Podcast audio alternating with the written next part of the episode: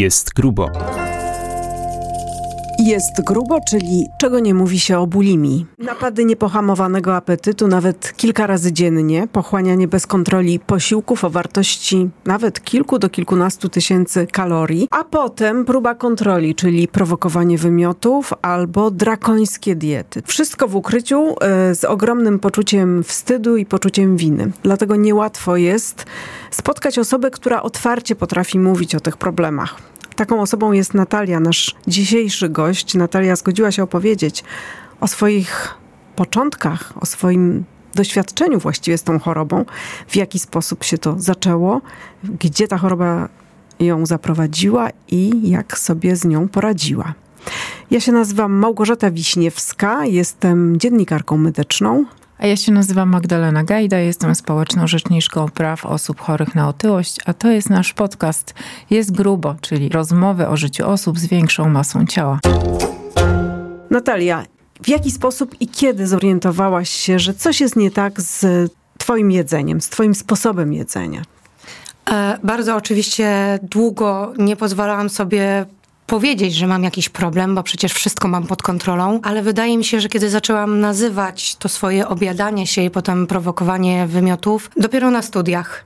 I tak naprawdę zostałam przyłapana dość szybko, bo już przy pierwszym, drugim, trzecim czy czwartym razie przez swoją mamę w łazience i bardzo szybko też mi przetłumaczyła, że to nie jest ok i to nie jest zdrowe i że jeśli czegoś z tym nie zrobię, to Pochodzę z Wielkopolski i tak jak tutaj powiedzmy są szpitale dla chorych tworki, tak e, w Wielkopolsce jest dziekanka, że jeśli tego nie ogarnę, to będzie mnie czekała dziekanka. Jako bardzo pilna uczennica to tylko widziałam, że o mój Boże, dowiedzą się o tym wszyscy uczniowie, nauczyciele, stracę rok szkolny i nie mogę sobie na to pozwolić, więc wtedy to pomogło. Ale wyjechałam na studia za granicę i hulaj dusz opiekła nie ma. Nie było nade mną żadnego, żadnej kontroli, żadnej osoby, która mogłaby mieć jakąkolwiek styczność z tym problemem. I żadna ale... wizja dziekanki ci nie groziła. Dopowiedzmy, bo dziekanka i tworki, tak w skrócie określamy potocznie szpitale dla osób e, psychicznie chorych, tak? Tak, dla osób z problemami różnymi, także z problemami z uzależnieniami. A ja przede wszystkim wtedy jeszcze na tamtym etapie nie mówiłam sobie, że jestem uzależniona od czegokolwiek albo że mam jakiś problem. Uzależniona? Od czegokolwiek. Dlaczego użyłaś tego słowa uzależnienie?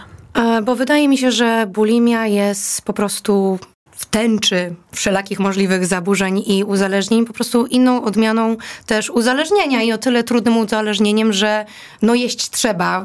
Jeśli odmawiamy sobie pożywienia w ogóle, to najpierw to gdzieś tam po drodze też możemy usłyszeć diagnozę anoreksja. Moim po prostu triggerem czy rzeczą, od której byłam uzależniona było to najpyszniejsze jedzenie, które sobie etykietowałam jako zakazane, niedobre, złe, e, chociaż oczywiście wiemy, że to też do niczego nie prowadziło, ale o tym jak, że tak powiem, wyszłam na prostą, to może też trochę później. Czyli tak naprawdę kochałaś, mówię w czasie przeszłym, bo może tak jest dalej, ale miłość do jedzenia.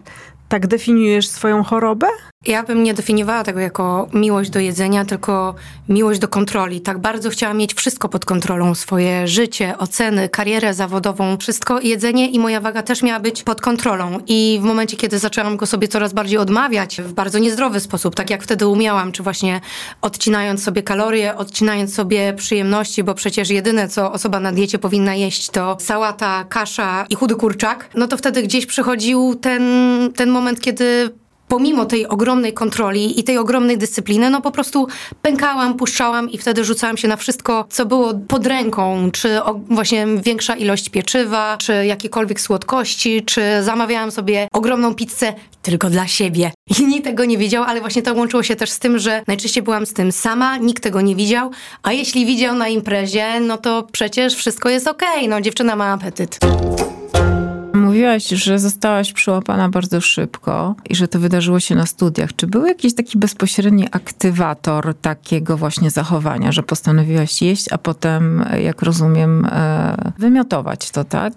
I ponownie, ja sobie mówiłam, że mam to wszystko pod kontrolą, więc to nie było tak, że wpadłam w jakieś niesamowite ciągi i pół roku mhm. obiadałam się, wymiotowałam, tylko nie, no przecież jeśli to jestem w ciągu tylko tydzień, a potem odpuszczam, no to przecież jest okej, okay. ja dalej mam to wszystko pod kontrolą. Cały czas mi się wydawało, że wszystko jest dobrze, jest, wszystko jest pod kontrolą. Dopiero gdzieś tam pogarszający się stan zdrowia, czy pogarszający się stan zębów gdzieś tam zaczął mnie alarmować właśnie, że no chyba nie jest okej. Okay. A właśnie, pogarszający się stan zdrowia i zębów. Opowiedz coś o tym, bo, bo ja sobie po prostu nie potrafię wyobrazić tych konsekwencji, jakie to mogą być. No, na dzień dzisiejszy jakby nie mam jednego zęba, zaraz czeka mnie chirurgiczne pozbycie się ósemek, ale, no, ale, to jest też to, że o wiele łatwiej zdzieram sobie gardło niż ktokolwiek, o wiele szybciej niż ktokolwiek, no właśnie psują mi się zęby, no. Są o wiele bardziej wrażliwe niż u osoby zdrowej i muszę o wiele bardziej dzisiaj o nie dbać.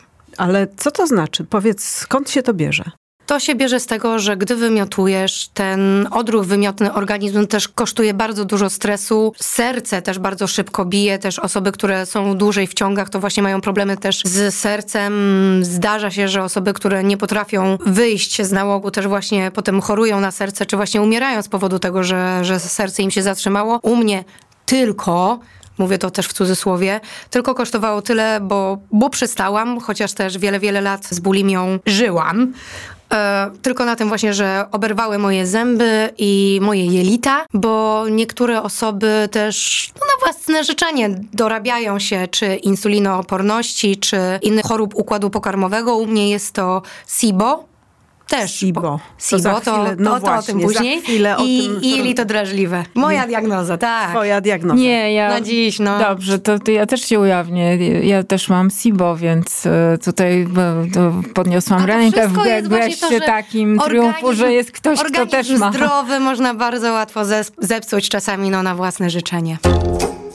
Jeśli są jakieś fajne, piękne dziewczyny, które też spotykałam wielokrotnie, czy na treningach, czy w pracy, które mogę tylko podejrzewać, że no też chyba jest nie okej, okay, bo jeśli wychodzą z łazienki z zaczerwienionymi oczami, czy bardzo dokładnie myją ręce, to ja też wiem, że to może być sygnałem tego, że właśnie przed chwilą no, były w łazience niekoniecznie po to, żeby no, oddać, oddać no.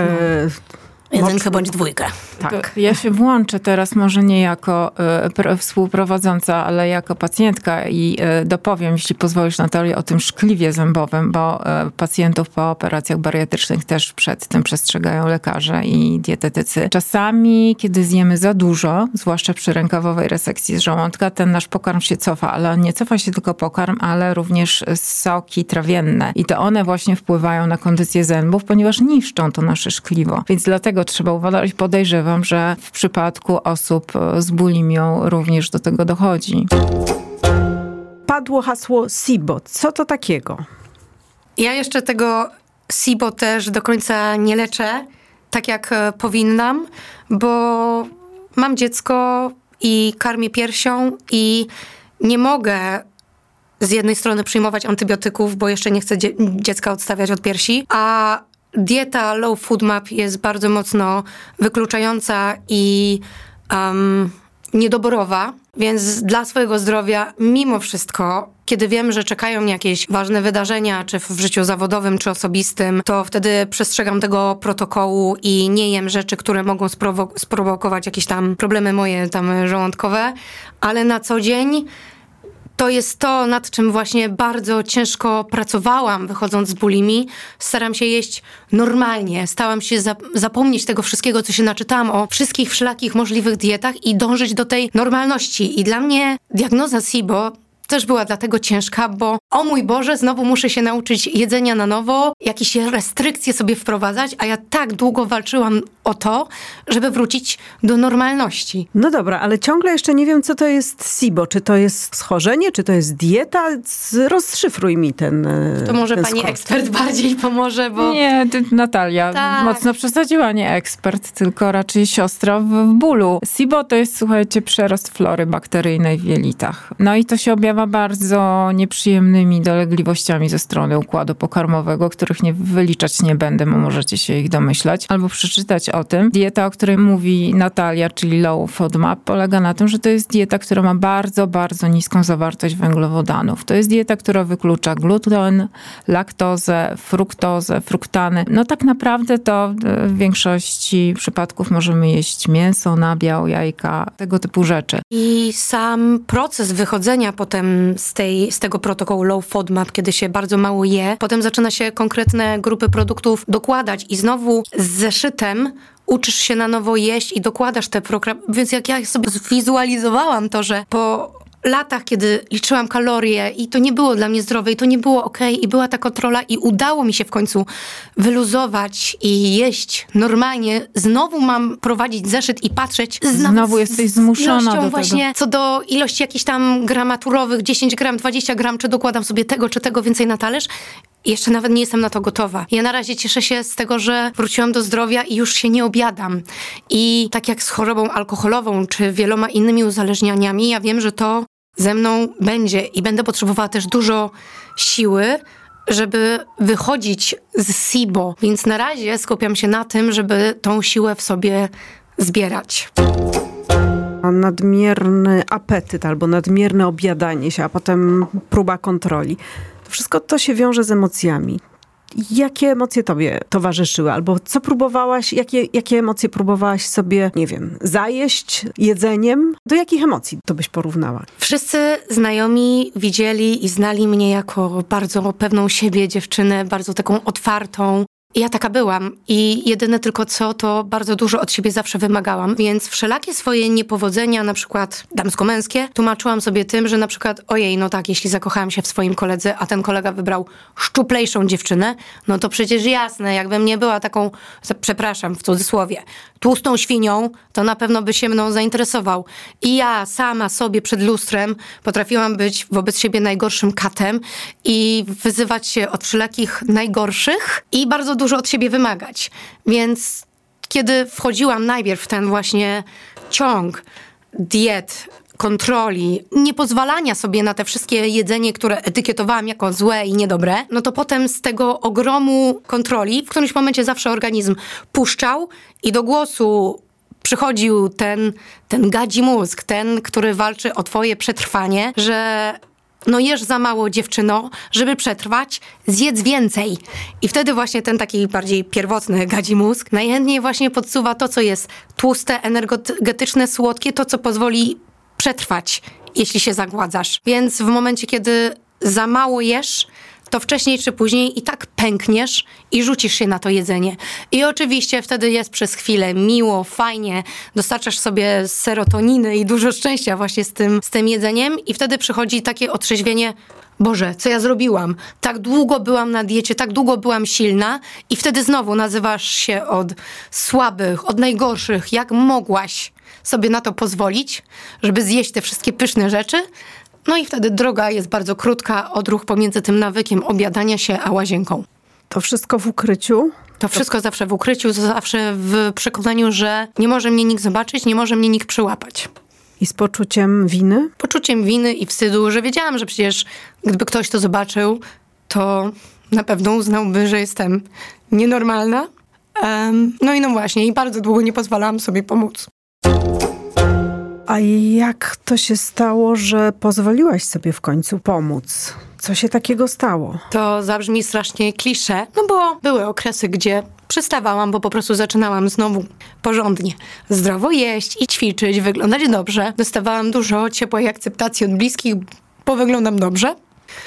E, ale tak naprawdę dopiero mnie, jak banalnie by to nie zabrzmiało, uleczyła mnie miłość. Musiałam trafić na faceta, który nie rozumiał, jak ja mogę mieć jakikolwiek kompleks. On na mnie patrzył w taki sposób, że taki, o mój Boże, sobie pomyślałam, że naprawdę chciałabym na siebie patrzeć jego oczami. I on z kolei jest bardzo szczupły. On mógł sobie nawet pozwalać na 7 kebabów w tygodniu i on nie przytyje nawet, kurczę, pół grama. No a my kobiety mamy tak, że powąchamy czekoladę i już czujemy, że już przybrało mi parę kilogramów. I zostałam zmuszona poniekąd do tego, żeby się przed nim otworzyć. Dopiero przy naukach przedmałżeńskich trafiliśmy na e, wspaniałe miejsce, które prowadziło, powiedzmy, to takie nauczanie w formie randek, i trzeba było przepracować różne tematy, na temat których no nawet wcześniej nie rozmawialiśmy, chociaż wydawało nam się, że znamy się jak dwa łyse konie, to jakoś ten temat pozostawał tylko mój. E, I kiedy mu powiedziałam o tym, że jestem bulimiczką, chociaż samo to słowo ciężko mi przychodziło z gardła, to on nawet nie do końca wiedział, z czym to się je, jak to ugryźć, a przede wszystkim jak mi może pomóc. Więc ja powiedziałam, że tak naprawdę jedyne, co możesz robić, to no może okej, okay, no pizza będzie obecna w naszym życiu, ale pilnuj, żebym była z tobą nawet kiedy zjemy, żebym nie szła do łazienki, że jeśli widzisz, że jem za dużo, ale teraz co to znaczy za dużo? To nie znaczy, że przy rodzinnym stole, kiedy dokładam sobie więcej ziemniaczków, za każdym razem masz patrzeć czy krytykować, ale że po prostu muszę przerywać ten nawyk, że jem, obiadam się i do, do łazienki. Trzeba to przerwać w tym momencie, że jeśli nawet zjem za dużo, to chodźmy na spacer, zróbmy coś. No po prostu żebym oderwała się od tego nieopanowanego jedzenia, ale przede wszystkim, żebym nie pozwalała też na to, że chodzę głodna. Jeśli chodzę głodna, no to wtedy wiem, że potem w reakcji na to zjem więcej. Że jeśli nie mam czasu na śniadanie, to potem na obiad zjem więcej, na kolację zjem więcej, a to już potem będzie w głowie gdzieś tam powodowało właśnie znowu to poczucie winy, że za dużo zjadłam i nie chcę prowadzić do takich właśnie stanów emocjonalnych, że jest mi wstyd, albo sobie wyrzucam, że za dużo zjadłam. W ostatniej swojej wypowiedzi podawałaś bardzo konkretne przykłady tego, jak sobie radzić, prawda? Z takimi chociażby odruchami, że mam ochotę zwymiotować i tak dalej. Czy był ktoś, jakiś fachowiec, specjalista, który pomógł ci jakby rozpoznać te mechanizmy i je wdrożyć w życie?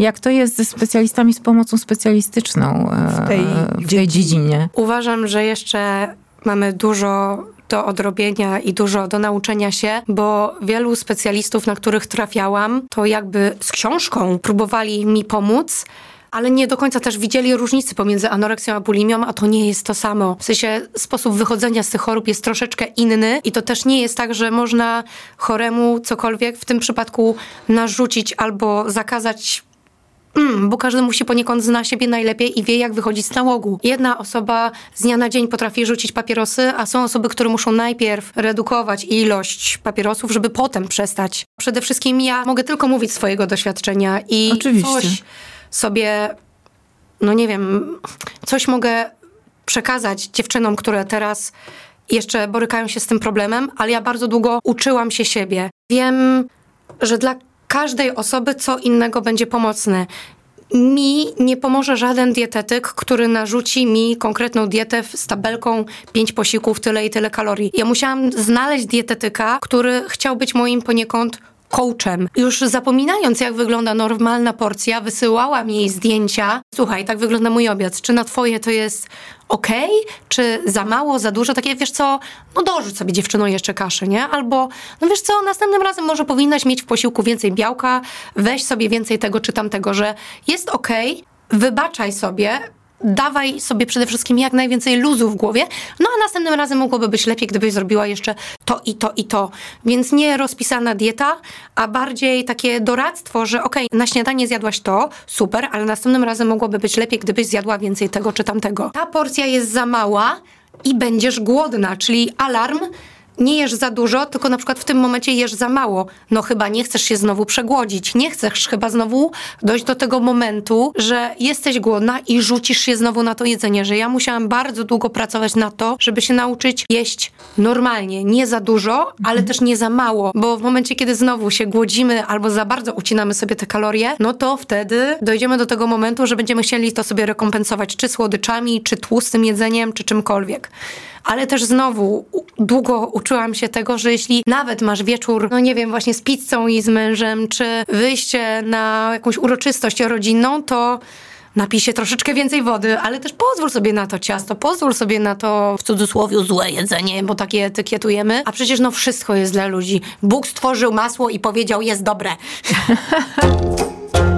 to, co też osoby z zaburzeniami odżywiania często robią, czyli potem rzucają się w katornicze treningi albo zbyt częste treningi, które no na dłuższą metę nie są do utrzymania. Możesz pozwolić sobie na ruch, ruch jest zdrowy, czy pójście na spacer, czy właśnie na jogę, czy jakąkolwiek formę aktywności, która jest dla ciebie dobra, ale niech to nie będzie 4-5 dni treningu w tygodniu, no bo mamy inne obowiązki, mamy życie też poza dietą i treningiem, którym warto się cieszyć.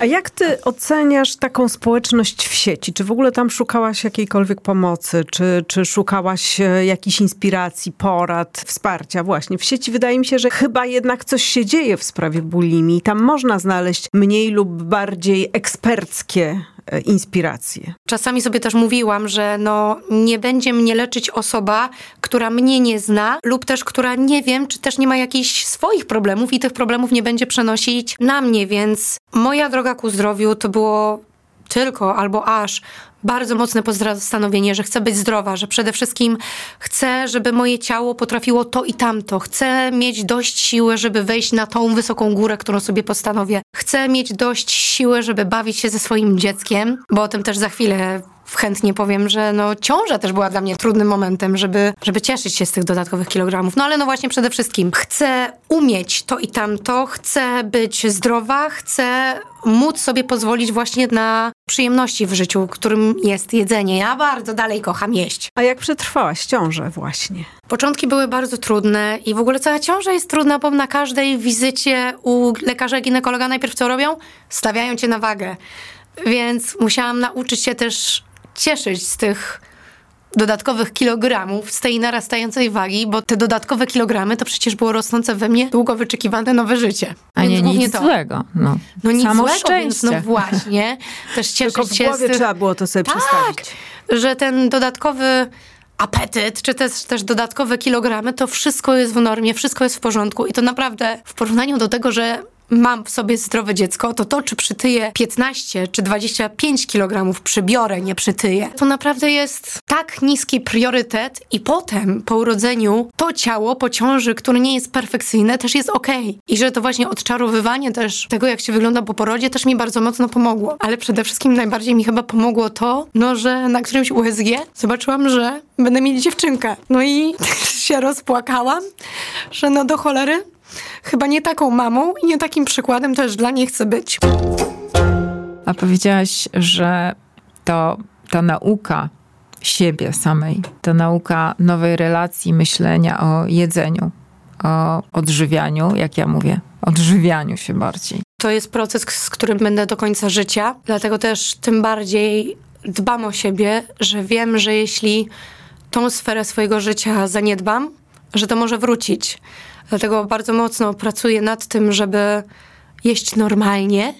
I o mój Boże, boję się tego wychodzenia z SIBO i tego przestrzegania tego protokołu, żeby znowu ta perfekcja mnie nie dogoniła w tym, żeby sobie znowu czegoś nie odmawiać, nie rzucać się na jedzenia, żeby wyjść znowu z tej stanu równowagi. Ale takich kilka zasad, które teraz mi pomaga, jest właśnie to, żeby jeść normalnie. Jeśli nawet się obiem albo zjem za dużo, no bo nie wiem, jest wesele, zaraz będą święta, to sobie to wybaczać, że okej, okay, następnego dnia jest nowy dzień i zaczynasz na nowo, że nie można obcinać kalorii do momentu, żeby być głodnym. A momenty, kiedy się obiesz, no zdarza się.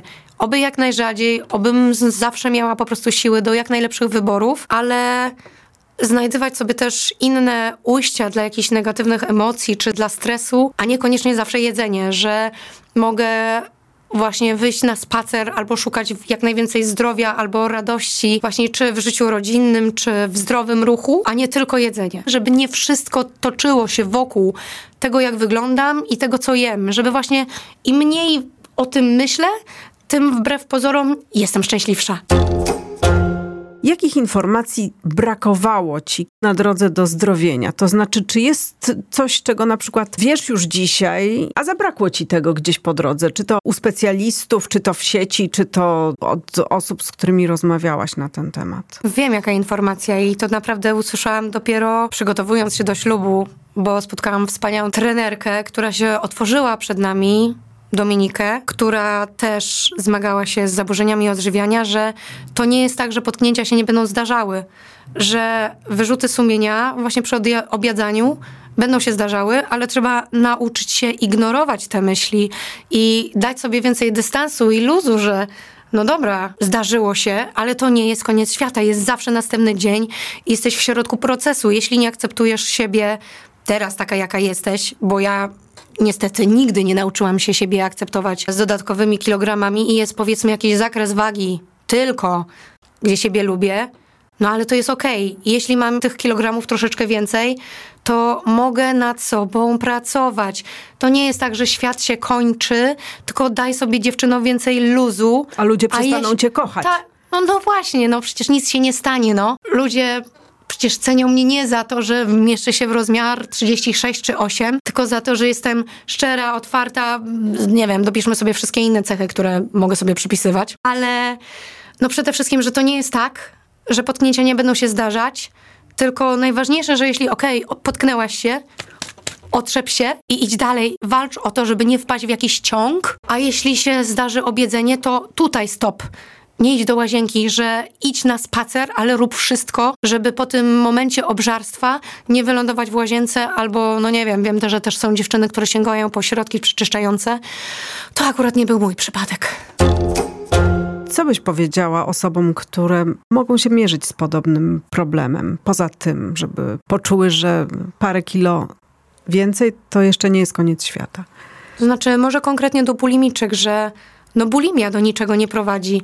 Ja wbrew pozorom, kiedy byłam w trakcie tych dłuższych bądź krótszych okresów, że faktycznie wymiotowałam, wyglądałam najgorzej. I moja cera mi pokazywała, że jestem chora i stan uzębienia czy cokolwiek innego, ale przede wszystkim Sorry dziewczyny, nigdy nie jesteście w stanie zwymiotować wszystkiego. Ja paradoksalnie przybierałam na wadze, kiedy byłam w trakcie bulimii, a dopiero normalne odżywianie, śniadanie, obiad, kolacja, dopiero zdrowy ruch, ale też nieprzesadny, bo kiedy za dużo ćwiczymy też kortyzol i głowa nie pozwala ci schudnąć. Dopiero kiedy dałam sobie więcej akceptacji, więcej spokoju, więcej czasu, że okej, okay, nie przybrałaś w jeden miesiąc też, nie zajmie ci jeden miesiąc powrotu do tego stanu, kiedy się się akceptujesz, jakakolwiek to by była wyimaginowana liczba, czy stan zdrowia, że dopiero kiedy dasz sobie więcej miłości, więcej czasu i więcej przestrzeni na to, żeby wrócić do zdrowia i dasz największy akcent i siłę na to, żeby więcej móc, a nie lepiej wyglądać, to dopiero to mi pomogło. Dać sobie więcej przestrzeni i walczyć o to, żeby jeść normalnie, zapomnieć o wszystkich dietach, a walczyć o to, żeby powrócić do tego stanu równowagi, gdzie jesz nie za dużo, ale też nie za mało. Co byś poradziła bliskim dziewcząt, kobiet, które zmagają się z bulimią? W jaki sposób, na co mają zwracać uwagę? Co powinni zauważyć? Jak pomagać? Co ich powinno zaniepokoić? Przede Jakie zachowanie? Nie, no bliscy są też... Strasznie współczuję swoim bliskim, bo to jest bardzo trudno wykryć nie da się wręcz. To tak samo jak przy wszystkich zaburzeniach odżywiania, czy anoreksja, czy bulimia, że jeśli widzisz, że ktoś albo właśnie odmawia sobie tego jedzenia, albo nagle widzisz, że za dużo je, to to może być jakiś sygnał, ale wcale nie znaczy, że kompulsywne objadanie się też może oznaczać bulimię. Może, ale nie musi. Więc tylko w momencie, kiedy ktoś się przed tobą otworzy, że mierzy się z takim problemem, też nie bać się, to nie jest koniec świata, tylko szukać sposobów i wypracowywać sobie bo to może być długa droga, właśnie tą ścieżkę ku zdrowiu i no właśnie nie traktować tego jak koniec świata i nie płakać nad szklanką rozlanej wody. Jeśli znowu ktoś, czy dziecko, czy ktoś bliski, znowu zwymiotuje, tylko od nowa walczyć, walczyć, walczyć. Najpierw ten okres bez wymiotów to będzie jeden tydzień, potem niech to będą dwa tygodnie, miesiąc, parę miesięcy. Będą się starzały potknięcia, ale to jest droga ku zdrowieniu. Tyle. Bardzo dużo wsparcia i no nie wiem, może współuczestniczyć z tą osobą, być otwartym i jedyne co możesz zrobić to ewentualnie wysłuchać tę osobę, że o Boże, zjadłam za dużo, jest mi ciężko, no okej, okay, jest mi ciężko, ale jestem tu z tobą. Słuchać tych wszystkich emocji. Miłość i akceptacja to przebija w tym, co mówisz. Miłość i akceptacja ze strony otoczenia, ale miłość i akceptacja od siebie samej, tak? Akceptacja siebie samej. To jest chyba podstawa. Tak, no znowu wiem, że jestem potrzebna swoim bliskim, grubsza, szczuplejsza, ale no chcę być jak najlepszą mamą, jak najlepszą żoną i wiem, że moim bliskim też jest cholernie przykro, kiedy mnie widzą nieszczęśliwą, więc muszę sama też dbać nad tym szczęściem, że nikt inny, ani terapeuta, ani lekarz tego nie zrobi za mnie, że muszę sama też znaleźć tą drogę ku szczęściu. A w tym przypadku też właśnie pokochać i siebie, i pokochać jedzenie, i czerpa się radość z tego jedzenia ponownie zdrowego, normalnego, ale też pozwalać sobie nie etykietować tego jedzenia pysznego, choć niezdrowego, jako złe, że okej, okay, e, teraz mamy adwent, tak? Więc ja też powiesiłam sobie kalendarz adwentowy i codziennie pozwalam sobie na cukierka. I nawet lepiej jest pozwolić sobie na cukierka codziennie, jednego, niż nazywać to i etykietować to jedzenie jako złe i nie pozwalać sobie, bo jestem na diecie, a potem rzucić się na całą pizzę albo rzucić się na całe pudełko ptasiego mleczka, bo wiadomo, że to nigdy nie jest jedno ptasie mleczko każda dziewczyna gdzieś musi znaleźć tą swoją drogę, co jej służy i życzę wszystkim bardzo dużo zdrowia i żebyśmy naprawdę największy akcentowali zawsze na zdrowie. A teraz pytanie do Was. Jeśli macie lub mieliście podobne doświadczenia, to w jaki sposób e, szukacie dla siebie pomocy? Co Was motywuje, a co wybija Was z tej drogi do zdrowienia? Jeśli ktoś z Was ma jakieś doświadczenia z bulimią, innym zaburzeniem odżywiania, proszę podzielcie się z nami swoimi doświadczeniami w komentarzach pod naszym podcastem. To był nasz gość Natalia, a ja się nazywam Małgorzata Wiśniewska. A ja się nazywam Magdalena Gajda. A to był nasz podcast Jest Grubo, czyli rozmowy o życiu osób z większą masą ciała. Podcastów jest grubo. Szukajcie na platformach Apple Podcast, Spotify, YouTube, a także na antenie Radia Płock FM.